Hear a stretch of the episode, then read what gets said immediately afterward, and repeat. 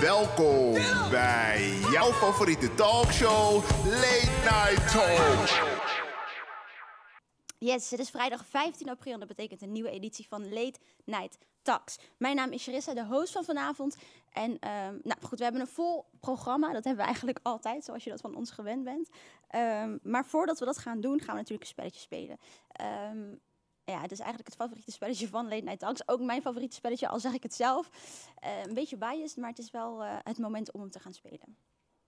Yeah, are you invited? Are you invited to my cookout? Or not, or not, or not. Ja, ik doe dit spelletje altijd met mijn gasten hier aan tafel. Ehm, ik ga het straks met jullie hebben over racisme in de gezondheidszorg eh, hier in Nederland.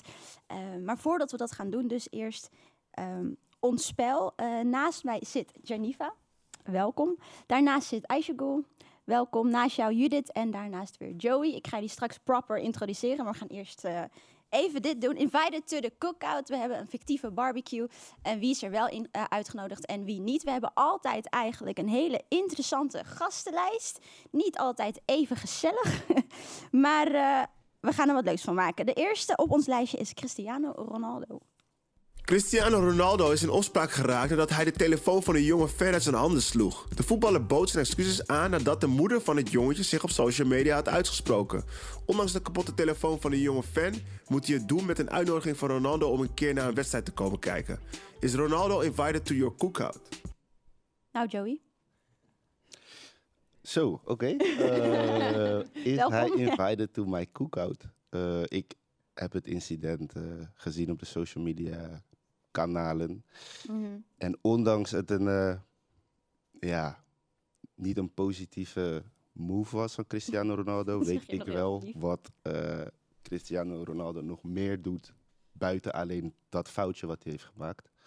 Ehm, dus ik zou hem wel uitnodigen voor mijn cookout en het er dan over hebben van, hey, eh, Bro, fakka. ja. niet echt cool van je, maar ik vind dat hij genoeg goede dingen di- ook doet. Dus op basis van dat zou ik hem niet gelijk meteen cancelen. Ja, precies. Oh, je hoeft hem ook niet te cancelen hoor. Uitnodiging- Alleen een uitnodiging, ja. ja. Ehm, ja, maar toch vind ik het... Het is een jongen van 14 of zo, toch? En ik Ja. snap dat je heel... ehm, eh, hoe zeg je dat? In je sport kan zitten, Janiva. Maar is dit... eh, hoe Ik zie zou- jij het? Ik ben wel geschrokken van het beeld. Als in, ik begrijp niet zo goed wat de, wat de voorbode was voor deze reactie. Ehm, en ik heb inderdaad, net als Joey, ook al een documentaire van hem gezien. En Ja. ehm, ook een andere kant van hem leren kennen. En deze kant ken ik dan nog niet. Ik vind het heel lastig om van een fragment te zeggen van... nou, ik zou jou niet of nooit uitnodigen in mijn huis. maar ik denk zeker wel dat hier eh, geen gegronde reden was... om überhaupt zo'n reactie te geven. Laat staan aan een kind. Ja. Dus ik heb het gevoel dat we allemaal het wel eens zijn dat hij mee mag komen naar de cookout. Maar we moeten het wel even... Hè, een stevig Even woordje checken. met hem. Oké, cool, cool. Dan gaan we naar de volgende. Dat is eh, Johnny de Mol en zijn ex Shima. Heet ze Kaas? Kees. Johnny de Moor wordt door zijn ex Shima Kaas beschuldigd van ernstige mishandeling en poging tot doodslag. Echt in paniek lijkt de miljardair zo niet, ondanks het gelekte politiedossier waarin ook medische gegevens en foto's zitten. De Mol presenteert nog altijd zijn dagelijkse talkshow en lijkt de zaak te negeren. Is Johnny invited to your cookout? Judith? is he invited to your cookout? Ehm, ja, hierna weet ik het eigenlijk niet. Ik vind het wel een gezellige gast en volgens mij ook wel toffe programma's, maar eh, ik weet het niet. Ik, eh, even los van wat er is gebeurd. eh, ook hiervoor zou ik Johnny de Mol niet uitnodigen voor mijn cookout. ik mag Johnny de Mol gewoon niet en de familie. Ehm, maar het is, ik vind het wel niet juist dat, ondanks dit nu zo loopt, dat hij nog steeds zijn talkshow presenteert. Ehm, zijn talkshow zou wel door kunnen gaan met een andere presentator. We hebben er genoeg. Jij bijvoorbeeld. Kom je erbij? Maar ja, ik vind dat, eh, ik vind dat niet juist. Nee, nee, nee. Dan gaan we door naar de volgende. Radiostation Phoenix is aangesproken op het feit dat ze LHBTQIA haat regelmatig onder hun social media posts te lezen niet aanpakken. Volgens activist Roger Kunjibihari erg schijnheilig aangezien ze hem wel meerdere malen hebben uitgenodigd om over LHBTQIA rechten te praten. Want kan je jezelf als radiostation een ally noemen als je niet expliciet uitspreekt? Phoenix heeft vervolgens excuses geplaatst en deze vervolgens weer afgezwakt. Is Phoenix invited op jouw cookout? Ja, het ging dus om een eh, post over. eh, pff, ik weet niet precies meer wat het was, maar het was in ieder geval Being Queer. Nou heeft Rocher daar het een en ander over geschreven. En dat ging over de comments eh, bij een post. Waar, dat, is niet nou ja, in de gaten gehouden in ieder geval. Dus er kwamen best heftige eh, reacties op. Uh, Geneva, wat vind jij ervan? Ik denk als je als platform uitdraagt dat je er voor ieder ander bent, dat je dat dan ook moet uitdragen in de comment-sectie. Dus um, haatdragende taal, racisme, discriminatie, alles wat eronder valt op gender, ras, kleur, dat zou je eigenlijk moeten verwijderen. Ja. Er moet geen plek zijn voor haat. Uh, en als je dat niet uitdraagt als kanaal, moet dat ook niet op je platform leesbaar moeten zijn. Nee, precies. Maar ik heb het gevoel dat het wel uh, niet alleen bij Fannix bijvoorbeeld gebeurt, maar een, een, een para-tv en andere. Uh, ja, Joey wil er wat over zeggen. Er is een campagne die Movisie, waar ze nu mee bezig zijn, dat gaat over het stoppen van online discriminatie. Mm -hmm. En dat heet hashtag dat meen je niet. misschien hebben jullie ervan gehoord, misschien ook nog niet. Um, maar bekijk het dan wordt dit nog beter aangepakt. En waar kunnen we het bekijken?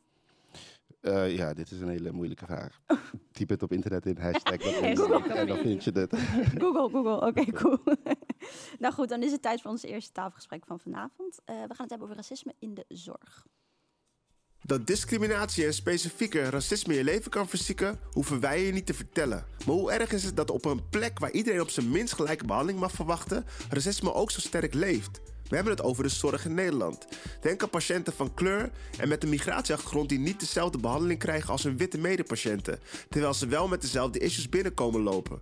Denk aan zorgmedewerkers die zich onbewust laten beïnvloeden door vooroordelen, bijvoorbeeld de gedachte dat alle zwarte vrouwen sterk zijn en geen pijn voelen, of überhaupt het gebrek aan diversiteit binnen een zorgorganisatie. En wat dacht je van het stelselmatig negeren van etnische verschillen? Zo hebben Zuid-Aziatische mensen meer kans op hart- en vaatziekten en ziet huidkanker bij zwarte mensen er anders uit dan bij witte patiënten. Tijd om het hierover te gaan hebben. Ja, tijd om het hierover te gaan hebben. Um, Judith, je moet het even goed zeggen. Judith, jij, hebt, jij werkt voor VAROS en je hebt onderzoek gedaan naar racisme in de zorg vanuit zorgverlener naar patiënt. Klopt. Ja. Um, Joey, jij hebt het andersom gedaan. Jij werkt voor Movisie. Um, en daar hebben ze het juist over racisme vanuit de patiënt naar de zorgverlener. Klopt. Toch? Oké. Okay. Yes. Judith, begin ik even bij jou. Wat voor invloed heeft racisme vanuit zorgverleners op patiënten? nou ja, op, op, op de zorg in het Ja. algemeen. Ik denk een hele grote invloed. Ehm, we zagen het net al in het filmpje. ehm, het, het heeft een hele grote invloed buiten de zorg. Dus de, de ziektes die ontstaan door discriminatie. Ehm, gezondheidsverschillen. Mensen, die, eh, eh, mensen van kleur, maar mensen met een migratieachtergrond komen met andere ziektes ook naar de zorg. En door zorgverleners met een witte blik kijken. ja, dat, dat leidt tot gezondheidsverschillen en dat is gewoon een grote impact. Ja, en, en kan je die verschillen benoemen? Waar hebben we het dan over? Ehm, nou, bijvoorbeeld, eh, je zag het in het filmpje al over Aziatische patiënten met meer hart- en vaatziekten. Ehm, maar we weten bijvoorbeeld ook dat ehm, ja, huidkanker ziet er bij gekleurde mensen anders uit dan bij witte mensen. Er zijn veel spotjes op televisie van eh, smeer je in met eh, zonnebrand en trek een t-shirt aan. Maar bij gekleurde mensen ontstaat huidkanker bijvoorbeeld op de vingers en op de tenen. En ja, daar is gewoon heel weinig aandacht voor. Ja, en dan heb je het heel erg over fysieke eh, verschillen daarin. Zijn er ook mentale verschillen die spelen? Ja, we weten dat mensen die ehm, met veel discriminatie te maken hebben, ehm, ook vaker eh, depressies hebben, eh, verslavingen, ehm, maar ook angststoornissen. Dus die impact is heel groot. Ja, ja. Aisha we hebben het hier nu over, over, over de gevolgen van racisme, over de impact. Ehm, om je even voor te stellen, jij was tot voor kort gemeenteraadslid voor Denk. Eh, dat is niet de reden waarom je hier zit. Ehm, maar jij verloor je moeder aan een onjuiste diagnose. Gecondoleerd, eh, dank je. daar nog voor. Ehm, en dat had volgens jou bewust of onbewust te maken met eh, racisme of discriminatie. Hoe zie jij dit dan? Wat, wat, Nou, om eventjes het beeld dan compleet te maken van Ja. wat, er, wat er aan de hand was. Bij mijn vader merkten we het ook wel, maar mijn, mijn moeder is een, eh, is een eh, Nederlandse zonder migratieachtergrond, ehm, een bekeerlinge. En eh, na het overlijden van mijn vader, ze was sowieso chronisch ziek, ging ze veelvuldig naar de huisarts omdat ze dusdanige klachten had die eigenlijk ja, haar in haar dagelijks leven belemmerden. Eh, ze viel heel erg, erg af, ze had heel veel pijn en ze had dusdanige klachten dat je eigenlijk als huisarts zou zeggen van nou, oké, verder onderzoek is noodzakelijk. Maar ondanks dat ehm, gaf je op een gegeven moment aan dat eh, zij waarschijnlijk haar land van, eh, van herkomst miste. Dat ze haar geboorteland miste. En mijn moeder had zoiets van, ja, ben gewoon een Nederlandse zonder migratieachtergrond. Ja. Ik woon in dat, ik, ik ben hier gewoon al. Eh, maar zoals ik al zei, mijn moeder is een ze, ze, ja, ze gebruikte, maakte ook gebruik van haar meisjesnaam, een Nederlandse meisjesnaam. Mhm. Maar ze zag er wel uit zoals ik. Ja. Ze had een hoofddoek om. En toen ze dat aangaf bij de arts, toen eh, zei hij zo van, nou oké, dan, dan mist u uw man. Dat was dan de volgende diagnose. En het is eigenlijk geen diagnose. Het feit dat je dat je, je land van herkomst mist, is geen diagnose. Nee. Vanwege, eh, dat je, voor je klachten. Eh, uiteindelijk na veel aandringen, want ik ben een aantal keren met haar mee geweest. Niet om, vanwege het feit dat ze de taal niet machtig was, maar gewoon omdat ik wat meer op mijn strepen stond. Ja. Waardoor ik ook eh, een beetje in de clinch kwam te liggen met de huisarts. En dan ben je toch wel wat terughoudender, omdat je zoiets hebt van ja, je wil niet. Je weet wel dat ze een eten hebben afgelegd, maar je hebt toch zoiets van je bent terughoudend. En dan neem je een stapje terug en dan zeg je van nou oké, daar ga ik niet mee. Uiteindelijk, na heel veel aandringen, is ze doorverwezen. En toen heeft hij er ook nog eens verkeerd voor doorverwezen. Want ze is toen uiteindelijk bij een chirurg in het ziekenhuis terechtgekomen. En toen had de chirurg zoiets van ja, ik wil u wel opereren mevrouw. Maar ik zou me gewoon niet weten wat ik zou moeten opereren. Daar Ja. moeten we eerst achterkomen. En ehm, ja, godzijdank, ik ben de arts in het ziekenhuis heel erg dankbaar. Hij heeft het intern geregeld. Anders zou het betekenen dat ze weer terug moest naar de huisarts. Weer moest worden doorverwezen. En dan zou het weer langer gaan duren. Mhm. Uiteindelijk is ze intern voor doorverwezen, is ze op de juiste afdeling terechtgekomen. En ehm, ja, toen bleek ze dus uitgezaaide borstkanker te hebben. En echt geen enkel plekje in haar lichaam meer was, was, was kankervrij. Ja. Uiteindelijk zijn we wel met de, met de behandeling gestart. Maar ehm, ja, binnen drie weken was ze overleden. Ja, jeetje. Jeetje. En, en ehm, ja, is dit door het racisme, door de discriminatie, denk jij?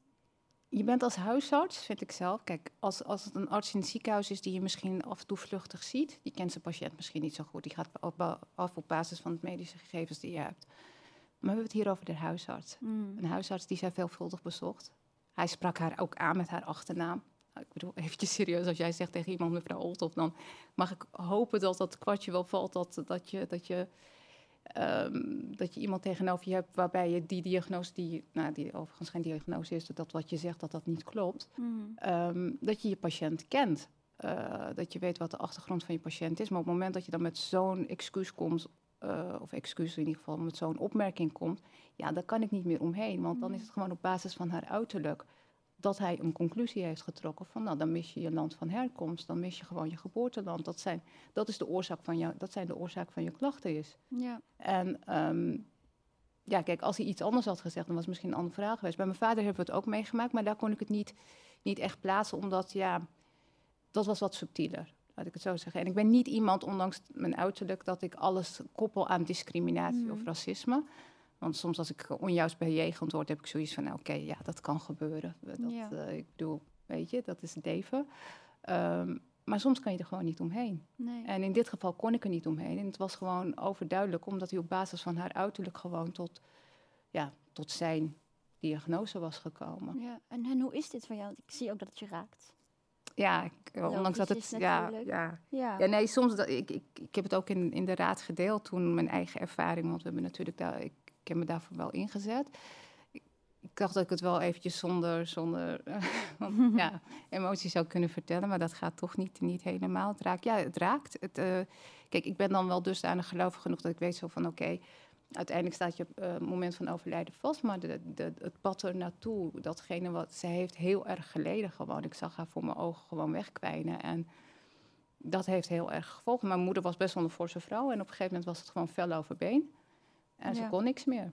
En dat zag ik ook bij mijn vader en eh, ja, dat, dat heeft, dat laat zijn sporen achter. En ik, ik, als ik naar de huisarts ga, dan nog, ik ben wel sceptisch. Ik doe zelf Tuurlijk. mijn eigen onderzoek. En ook de houding van de artsen zelf nog steeds. Eh, ik ben uiteindelijk bij de, bij de vorige huisarts weggegaan die, die de verkeerde diagnose heeft eh, gesteld. Ehm, want hij had pas na, na maanden nadat mijn moeder was overleden, heeft hij pas gebeld. Jeetje. Met de mededeling zo van, oké, ik heb gehoord dat, dat, dat, je, dat je moeder is overleden. Toen had ik zoiets van, ja, hallo, even serieus. Ja. En heeft hij nog een soort zelfinzicht, excuses, iets? Nee, nee. Eh, hij had nog wel het, eh, sorry voor mijn woordgebruik, het gore lef om te zeggen van, dat mocht je wat nodig hebben, dan kan je bij me terecht. En ik Oh. was zoiets van, ja, we hadden je nodig en Ja. toen, toen heb je niks gedaan. En dat heb ik ook tegen hem gezegd. En ik heb ook uiteindelijk gezegd van ik wil ook niet meer dat je me belt. Mm. Ehm, ik, het, het hoeft voor mij niet meer. Ik bedoel, dat, dat, je, k- het, is niet meer, t- het is niet meer terug te draaien, dus het is ook niet meer te compenseren. En als je dan afvraagt van oké, waarom heb je dan daarna geen stappen ondernomen om dus artsen eventueel te confronteren of om een aanklacht in te dienen? Eh, nou, dan, dan komen we weer op andere problemen. Je Mhm. bent op dat moment in de overlevingsfase, omdat wij, we woonden nog thuis en toen mijn moeder wegviel, toen moesten we het huis allemaal uit. Dus het was allemaal met praktische zaken waar je dan mee bezig bent. En in de overlevingsmodus ga je.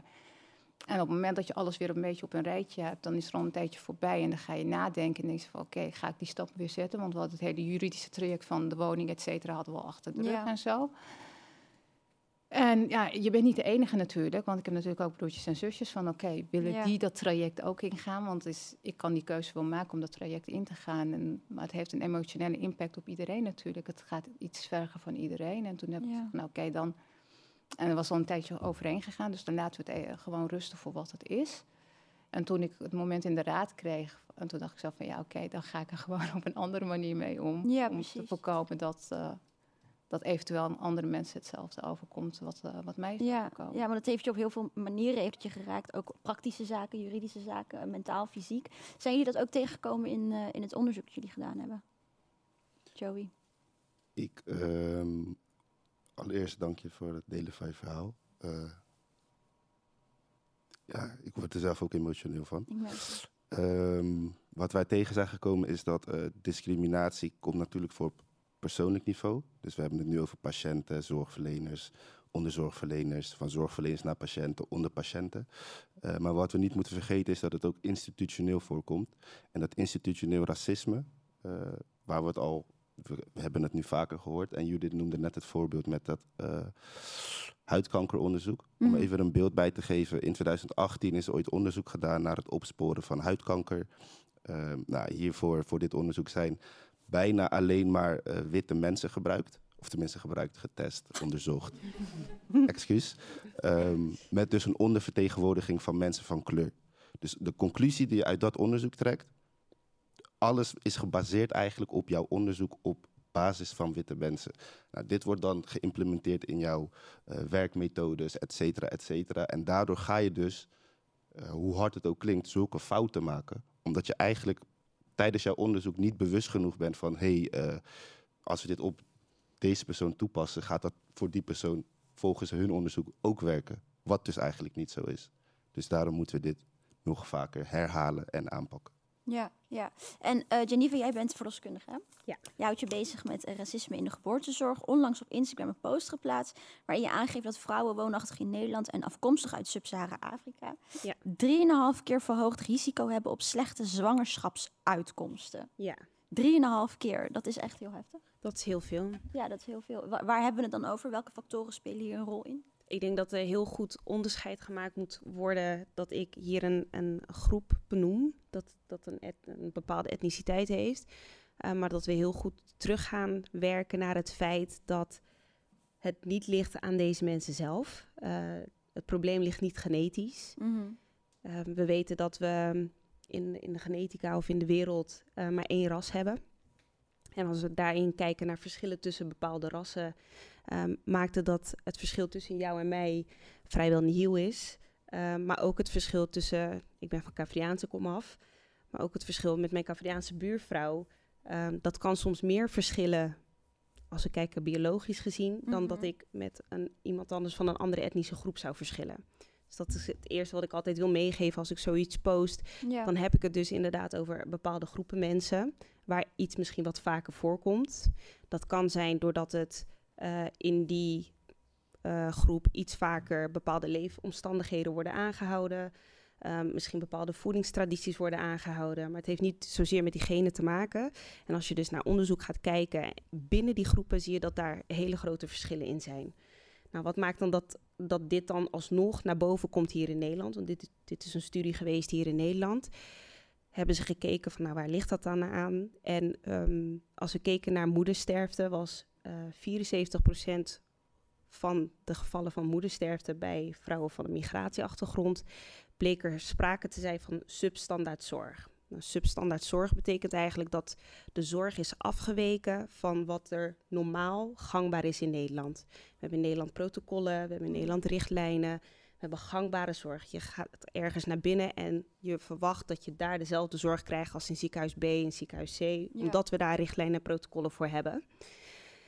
Maar in 74% van die moedersterftegevallen en in 40% van de kindsterftegevallen blijkt dus dat op het moment dat daar dus iemand binnenstapt, dat er is afgeweken van die standaardzorg. En dat kan zijn vanwege een taalbarrière. Uh, iemand heeft niet goed begrepen wat symptomen waren. Dat kan zijn um, dat die persoon zelf uh, symptomen niet kon benoemen, omdat ze het niet heeft herkend. Mm -hmm. Maar we zien dat daar ook een hele grote factor in speelt dat um, dat een arts of een verloskundige of een kraamverzorgster, iedereen die om een zwangere heen staat, gewoon niet is geschoold. En dan hebben we het over dat institutioneel racisme, niet is geschoold over hoe je bepaalde diagnoses en welke behandelingen je moet inzetten op iemand met een donkere huid ten opzichte van iemand met een witte huid. Ja. En dat is gewoon heel erg gevaarlijk. En uh, wat Joey ook zegt, klopt helemaal. Als we kijken naar institutioneel racisme, gaat het over enorm veel lagen. En we hebben een systeem hier in Nederland opgebouwd dat gewoon uh, helaas onbewust of onbedoeld racisme in de hand werkt. En dat Wat hebben doe we- je daar dan precies mee? nou, wat ik bedoel met onbewust racisme is, ehm, daar ben ik zelf ook een onderdeel van geweest. Ik ben opgeleid hier in Nederland, in Rotterdam. En ik heb ehm, uit eh, boeken geleerd waar alleen maar witte blaadjes of witte plaatjes zijn van witte vrouwen.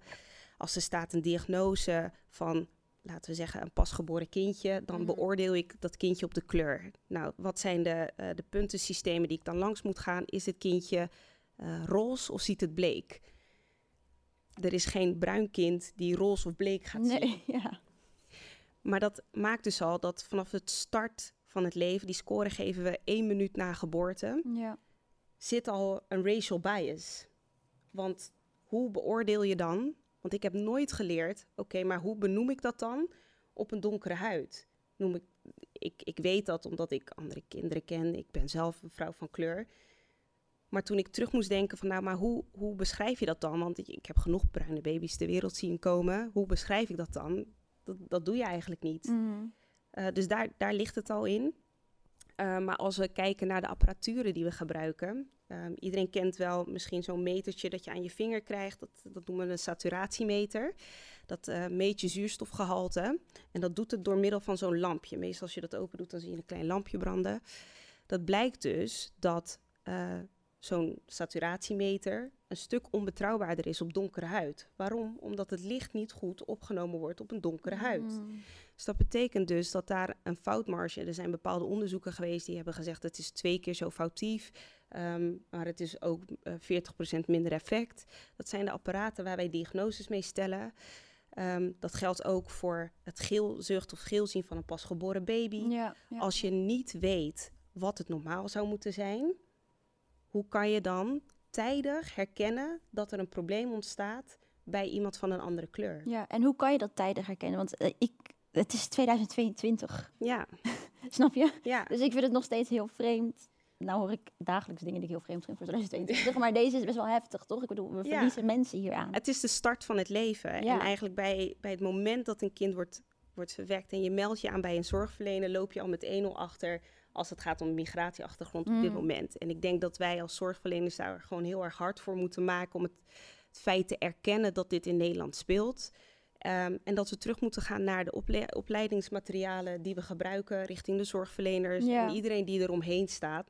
Maar dat we ook eerlijk mogen zijn naar onze cliënten toe. Dus als je zwanger bent of je bent iemand uh, naast in de familie, je kan een supportsysteem zijn door inderdaad kritische vragen te stellen, maar ook daadwerkelijk aan je zorgverlener te vragen van hé, hey, ik weet dat deze statistieken hier in Nederland leven. Ik ben niet van plan om eens een statistiek te worden. Nee. Hoe maak jij dat je bijdraagt aan het feit dat ik niet zo'n statistiek word? Judith, ik zie je al de hele tijd meeknikken. Ik hoor veel, ja, wat, uh, Ja, is wat ik het, herken. Ja. ja, is het herkenbaar voor jou? Je hebt het onderzoek natuurlijk gedaan. ja, heel veel. Ja, het begint denk ik bij die bewustwording in het hele systeem. Discriminatie is het anders handelen van een patiënt in je spreekkamer, maar het racisme is echt het systeem dat we meer weten van de witte patiënt, hoe een ziekte bij een witte patiënt eruit ziet en hoe het werkt. En dat je met een patiënt die niet wit is, dat je ook met diezelfde denkwijze handelt. Dus wat jij noemt van die bewustwording in de spreekkamer is heel belangrijk, maar ook ehm, in opleidingen, ehm, in onderzoek. Kunstmatige intelligentie wordt steeds belangrijker. Dat moet gewoon Zeker. inclusief zijn. Ja. Ehm, en niet alleen data verzamelen van witte mensen, maar van allerlei soorten mensen. ja. En vooral in die zeggen? managementlagen ook, hè, natuurlijk, omdat daar het beleid Van bovenaf. van ja. bovenaf, omdat daar de perceptie gewoon op beleid en hoe de dingen worden aangepakt natuurlijk heel anders zijn. Wanneer je wat meer kan inleven in de, met iemand die, die hetzelfde heeft meegemaakt. Ja, precies. Judith, je wilde nog wat... eh, Ja, ik wilde aanhaken op wat Joey net zei. Ehm, we hebben eh, in het onderzoek naar discriminatie bij zorggebruikers ook zorgverleners gesproken en hoe zij ehm, ehm, ja, kijken naar discriminatie bij zorggebruikers.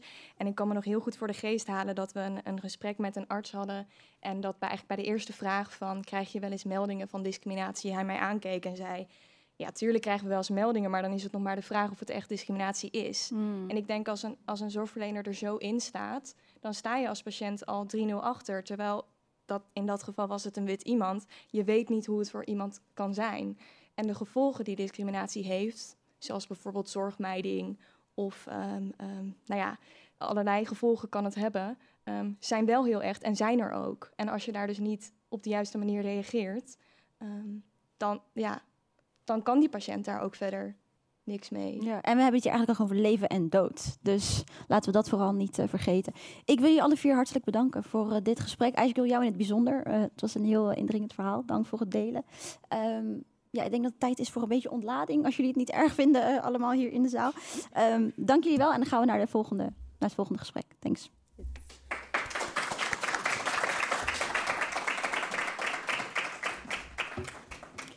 Ja, eh, het volgende spel, spel heet Toxic or Not. Klinkt als een van mijn favoriete spellen. Ik moet zeggen dat ik het nog nooit gespeeld heb, maar eh, let's go. Yeah, you better check your relationships.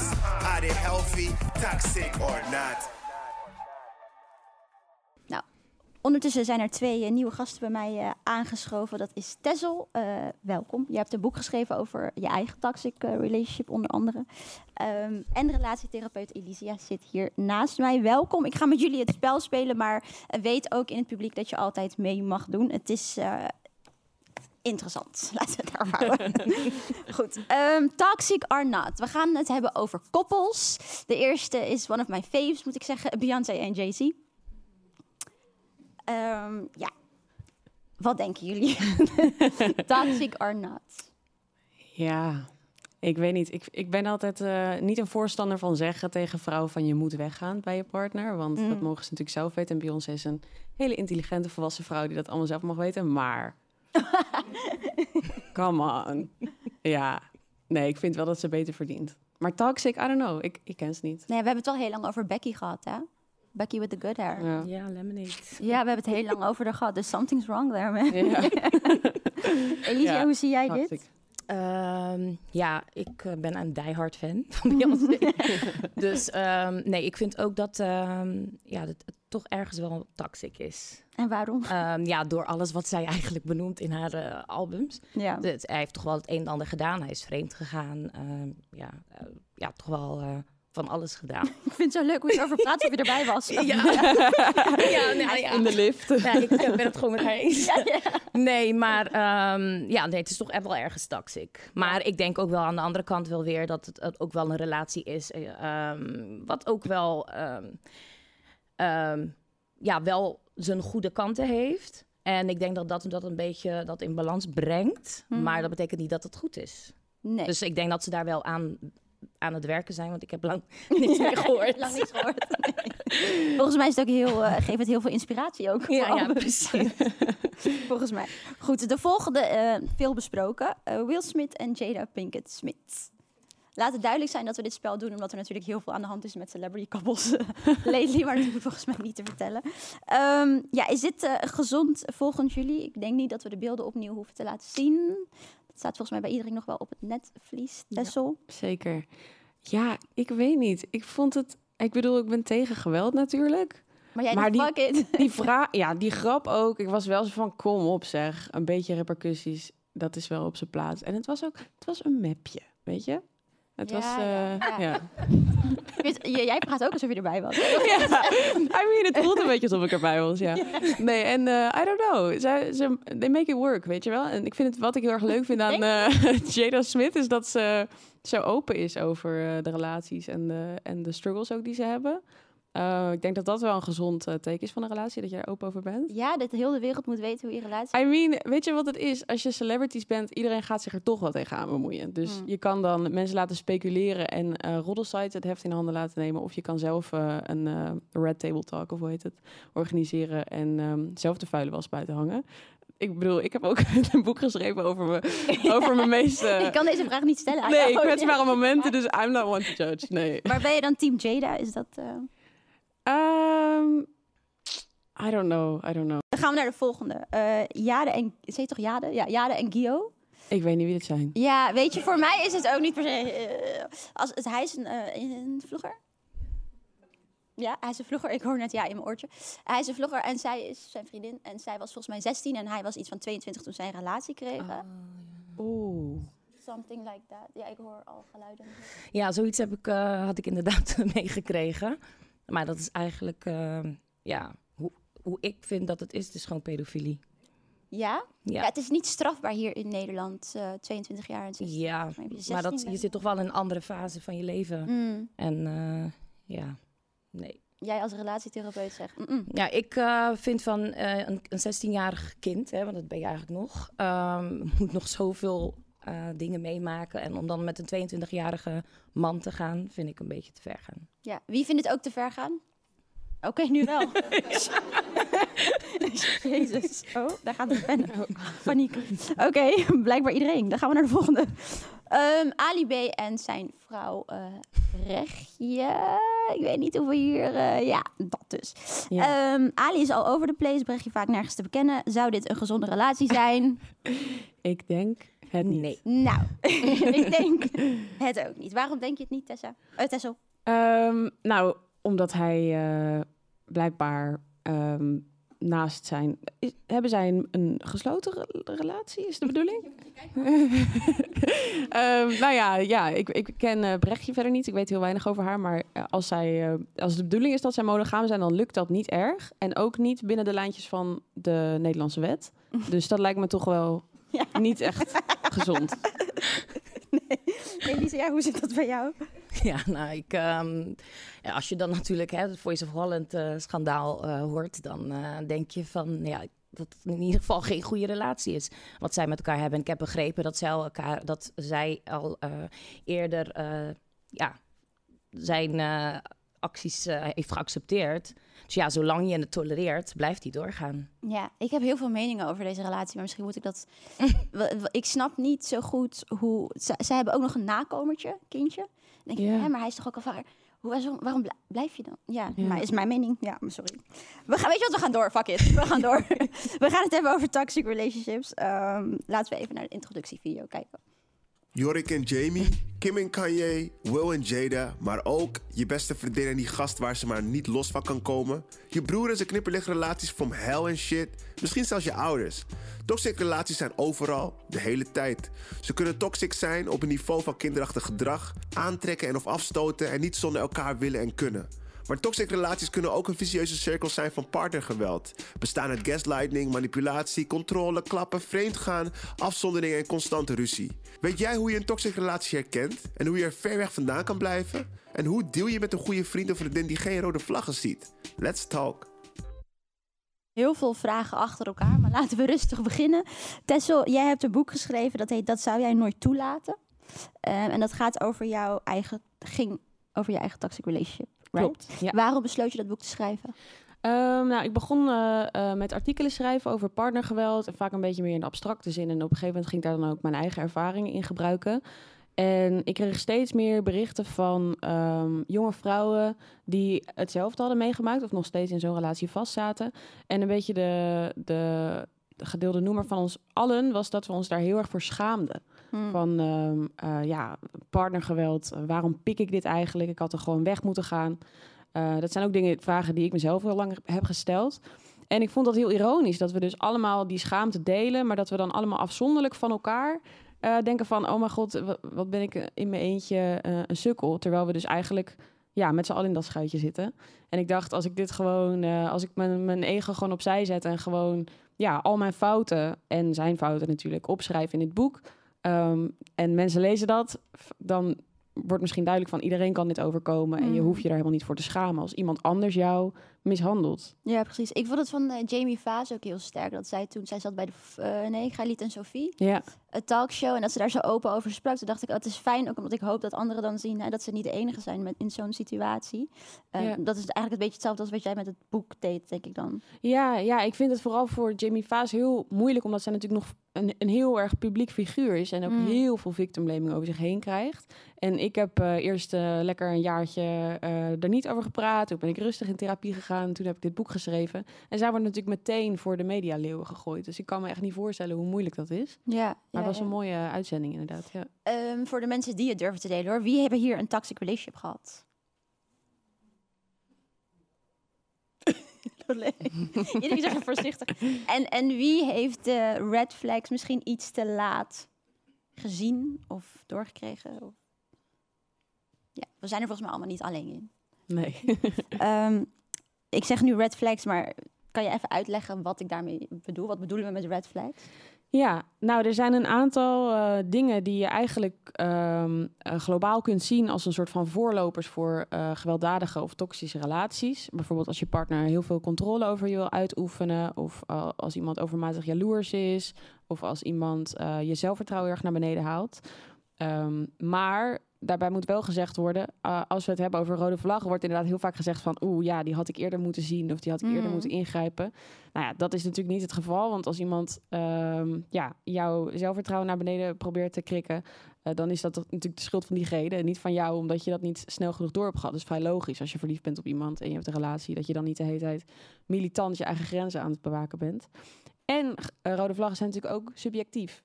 Ehm, sommige mensen vinden het heel fijn om met hun partner eh, de hele tijd bijvoorbeeld hun locatie te delen.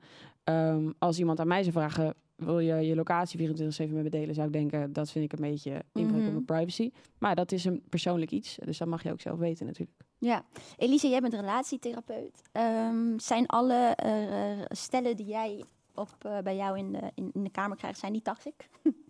Eh, nee, niet allemaal. Ehm, ik heb natuurlijk ook met mensen te maken die bijvoorbeeld communicatieproblemen hebben. Eh, intimiteitsproblemen. Dus hè, zodra ze ouders zijn, bijvoorbeeld geen intimiteit meer hebben. Ehm, ja, dat kunnen van- allerlei soorten Ja. dingen zijn. Dus nee, niet alleen. Niet alleen. Nee. En nou ja, Tessel zei het dan het even, hè, die red flags, het, het is niet jouw schuld dat je die niet heel snel kan herkennen bijvoorbeeld.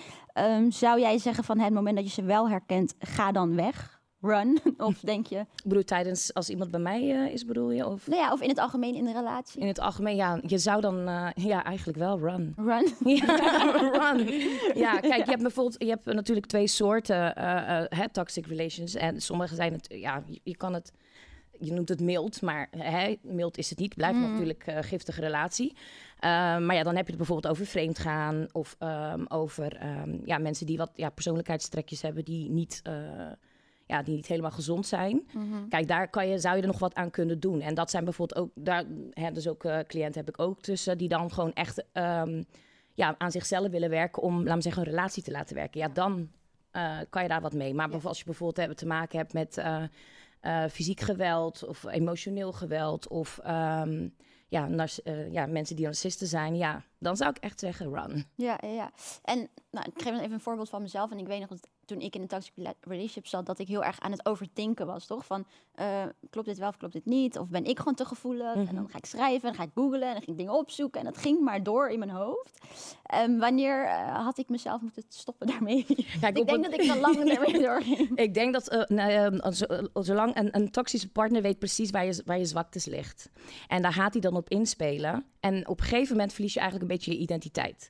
Je weet niet meer wat je moet denken, wat goed is, wat slecht is. En dan ga je gaat bijvoorbeeld ook smoesjes verzinnen voor de ander.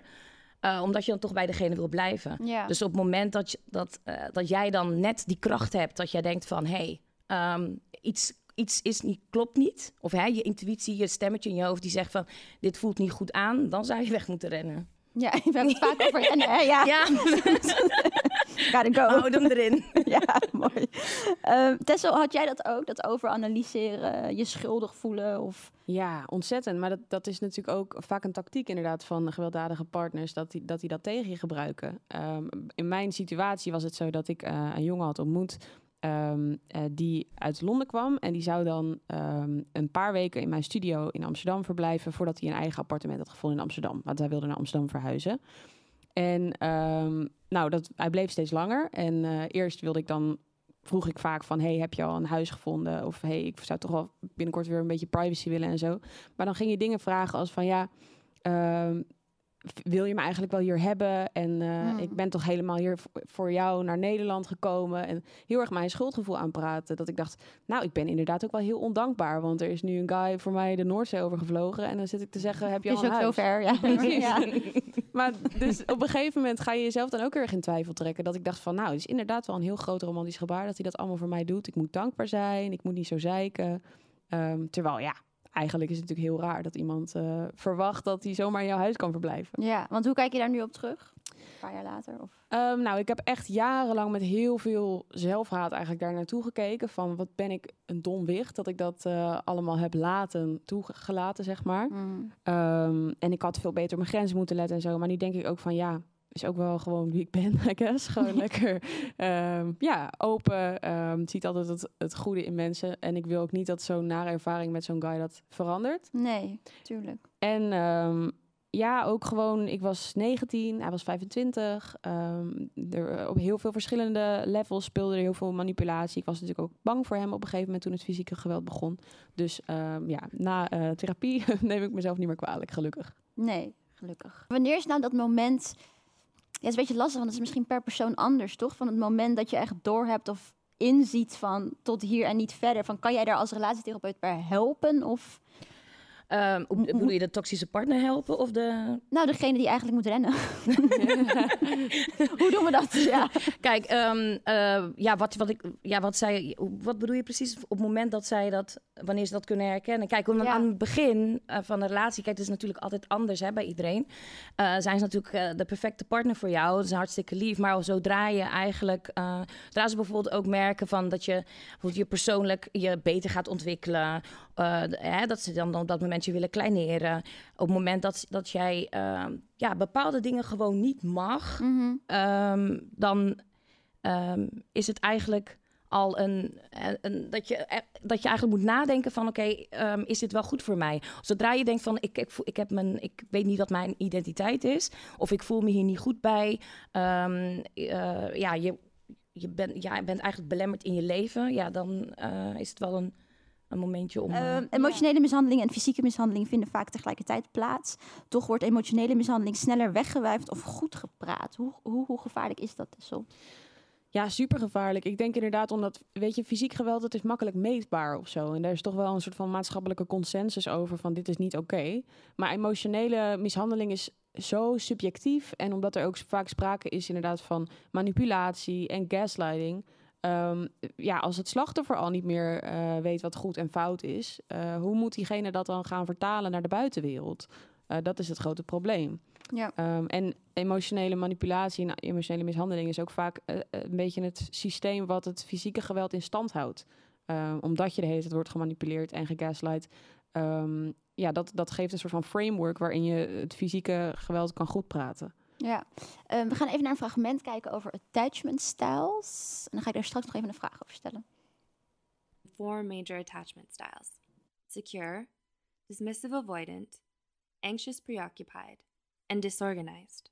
Generally, they can be described like this 1. Secure is when needs were usually wholly satisfied at an early age, so you believe people are good and trustworthy.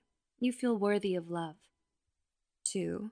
Dismissive avoidant, or for simplicity, just avoidant, is when there was neglectful parenting from childhood. You see others negatively, but yourself positively, resulting in believing you can only trust yourself. 3. Anxious preoccupied, also known as ambivalent attachment style, is when needs were not always satisfied in childhood. You grow up overvaluing love and doubting your own self worth. 4. Disorganized is found when the child is raised in an abusive, traumatic, and chaotic home environment. Individuals with this style are believed to be extremely traumatized, emotionally numb, and have no sense of safety or security anywhere. It's also called insecure attachment. Yeah, secure, dismissive, avoidant, anxious, preoccupied en disorganized zijn um, attachment styles. Um, Elisa, zou je kunnen stellen dat er een direct verband is tussen uh, nou ja, dit soort hechtingsstijlen en toxic gedrag? Ja, op het moment dat je eigenlijk tijdens je opvoeding een, uh, ja, onveil, hè, dan heb je een onveilige hechting. Op het moment dat je bijvoorbeeld ook inderdaad in een gezin um, uh, opgevoed bent waar, waar er geweld uh, plaatsvindt. Of waar je inderdaad um, ja, emotioneel ook mishandeld bent. Ja, dan ja, neem je het ook vaak over. Ja. Want dan denk je dat dat normaal is. Kan je daar een voorbeeld van geven? Um, stel je voor, je bent als kind mishandeld. Um, en je weet niet beter en uh, je ontmoet een, een partner um, die op een gegeven moment ook dat zulk gedrag vertoont. Um, denk je dat, vaak dat het gewoon normaal is? Want hè, het is je al eerder overkomen, dus blijkbaar hoort dat erbij. En dat is iets wat dan, hè, je moet uit die visuele cirkel uh, moet je eigenlijk stappen. Ja, hoe stap je daaruit? Ja, dat is toch eigenlijk om, om hulp te gaan zoeken. In ieder geval te gaan praten met iemand uh, daarover. Um, zodat je in ieder geval die patronen kan doorbreken. Ja, maar als je al zo lang denkt dat iets normaal is, hoe weet je dan dat je daar hulp voor moet zoeken? Nou, ik neem aan dat je, elke, dat je die pijn die je, die je voelt, hè, uh, dat als je dat opnieuw gaat voelen, dat je dat dan wel herkent als dat het, klopt niet. En als je het vooral als je dat in je omgeving op een andere manier uh, ziet, dan uh, ja, ga, zal, je, zal je toch wel denken van, hé, ergens klopt iets niet. Mijn gevoel zegt dat dit niet uh, goed is. Ja. Nou, Tessel, om af te sluiten, heb jij nog tips voor mensen die dan nu uh, kijken of hier in de zaal zitten en die midden in zo'n relatie zitten, uh, te maken met gaslighting, victim blaming, noem maar op? Ja, ik denk dat het voor, vooral het belangrijkste is om nou ja, A te weten dat je geweld nooit toelaat en, en mishandeling, ook mentale mishandeling natuurlijk nooit toelaat. Dus je hoeft je nergens voor te schamen. Um, want ja, het is, het is aan de ander om beter te doen. En het is ook heel belangrijk om te weten dat je beter verdient. Dus wanneer je hulp gaat zoeken en uh, probeert veilig weg te komen, dat, dat, dat ja, kun je best hetzelfde aanvoelen wanneer dat veilig is. Uh, maar het begint echt met die eerste stap van weten dat je zelf um, liefde verdient die je gelukkig maakt, die je zelfverzekerd doet voelen. En niet uh, liefde die pijn doet. Elise, hoe zit het uh, bij jou? Wat voor tip zou jij geven? Um, wat voor tip is, um, zit niet in de hè, bijzitterstoel. Jij bent de driver van jouw leven. En uh, laat niemand anders, dan zeg daaromheen, bepalen wat jij moet voelen, wat jij moet denken of hoe jij je moet gedragen. Um, inderdaad, liefde is heel belangrijk. Zelfliefde, dat je weet van, weet je, ik mag er zijn en ik ben het waard. En niemand anders kan mij dat wijsmaken dat het niet zo is. Ja, dat is heel lastig ook, denk ik, als je je onzeker uh, voelt in een relatie. Ja. Um, ik wil nog even gezegd hebben, want we zitten nu met allemaal vrouwen hier uh, uh, aan tafel. Um, maar het kan natuurlijk ook andersom zijn. Het kan ook zo zijn dat vrouwen degene zijn die toxic zijn in de relatie. zowel in hetero-relaties als in LHBTI plus relaties. Daar gaan we het waarschijnlijk een andere keer uitgebreid over hebben, want zoveel tijd hebben we niet meer. Dus ik wil jullie hartstikke bedanken ehm, dat jullie hier vandaag wilden zijn. Mag ik een applausje alsjeblieft? Graag gedaan. Ja, dank ook aan mijn gasten van het vorige gesprek. Jullie voor het feit dat jullie hier zijn. Heel fijn. Uh, kom de volgende keer uh, weer, zou ik zeggen. Um, en de mensen thuis die aan het kijken zijn, dank voor het kijken en tot de volgende.